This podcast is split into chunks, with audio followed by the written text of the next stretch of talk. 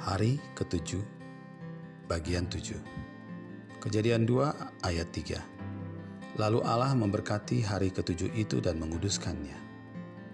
Karena pada hari itulah ia berhenti dari segala pekerjaan penciptaan yang telah dibuatnya itu. Ketika ia berhenti, Allah berhenti dan mengadakan hari perhentian, maka ia pun memberkati hari itu.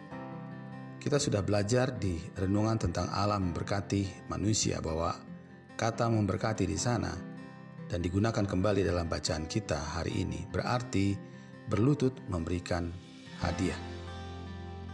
Apakah kita pernah berpikir bahwa Tuhan memberkati kita justru saat kita beristirahat? Teks hari ini menegaskan itu. Allah memberkati hari ketujuh, hari peristirahatan. Mazmur 127 ayat 2 mengatakan, Sia-sialah kamu bangun pagi-pagi dan duduk-duduk sampai jauh malam, dan makan roti yang diperoleh dengan susah payah, sebab ia memberikannya kepada yang dicintainya pada waktu tidur. Teks ini tidak sedang mengajar kita untuk sama sekali tidak bekerja atau melakukan sesuatu dan mendukung kemalasan kita namun teks ini menjelaskan kepada kita bahwa Allah tetap bekerja saat kita tidak bekerja dan Allah melimpahkan berkat bukan karena kita terus secara konstan berjeri lelah untuk mencari berkat. Hari ketujuh ingin mengajarkan kepada kita bahwa Allah memberkati kita bukan karena berkat yang kita cari sepanjang hari ataupun selama enam bahkan sampai tujuh, tujuh hari Bahkan kita tahu bahwa berkat Tuhan itu juga hadir bagi kita sebagai manusia yang menjalankan fungsinya dan menjadi hamba untuk melakukan kehendaknya tiap-tiap hari. Jadi telah terjadi kesalahpahaman dalam kita meletakkan berkat Tuhan selama ini. Kita pikir kita diberkati karena pekerjaan kita selama enam hari lamanya dan tiap-tiap hari kita minta berkat Tuhan tapi kita lupa urutan penciptaan menjelaskan bukan saja berkat yang diberikan kepada manusia, namun juga tanggung jawab manusia terhadap ciptaan dan apa yang dilakukan kita seturut kehendak Tuhan di tiap-tiap harinya. Kalau kita bisa melihat di tiap-tiap harinya kita melakukan firman Tuhan, maka berkat Tuhan pasti menyertai dan pasti kita semakin mempercayai bahwa berkat Tuhan atas kita bahkan terjadi saat kita beristirahat.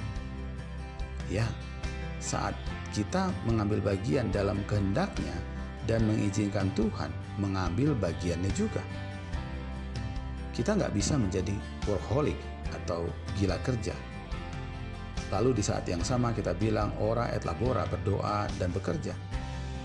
Karena kita tidak sungguh memahami apa yang Tuhan kerjakan di saat kita diberikan waktu istirahat dan tertidur. Kita harus mempercayai Tuhan yang memberkati kita, bukan sebagai bagian yang melengkapi usaha kita dan menyetujui apa pun yang kita akan lakukan.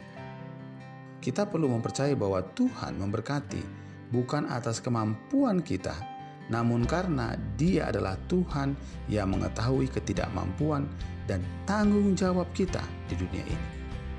Tuhan tidak sedang menaruh beban berat untuk Anda dan saya dan sering kali kita pikir demikian. Ia tahu kita tidak mampu dan membutuhkan dia. Karena itu laksanakan perintahnya, firmannya. Dia memberkati Anda dan saya bukan dengan seberapa besar materi yang akan kita terima. Namun seberapa besar kasihnya pada kita sehingga berkatnya bukan menjadi kutub, namun menjadikan kita pelaku-pelaku firman yang akan memberkati orang lain juga. Mari kita berdoa. Bapa terima kasih untuk firman-Mu bagi kami yang sungguh mengingatkan kami bahwa kami adalah ada dalam pekerjaan-Mu dan bukan pekerjaan kami sendiri. Hari peristirahatan memberikan kami kejelasan tentang berkat yang Engkau sediakan lebih dari apa yang kami pikirkan ataupun kami inginkan.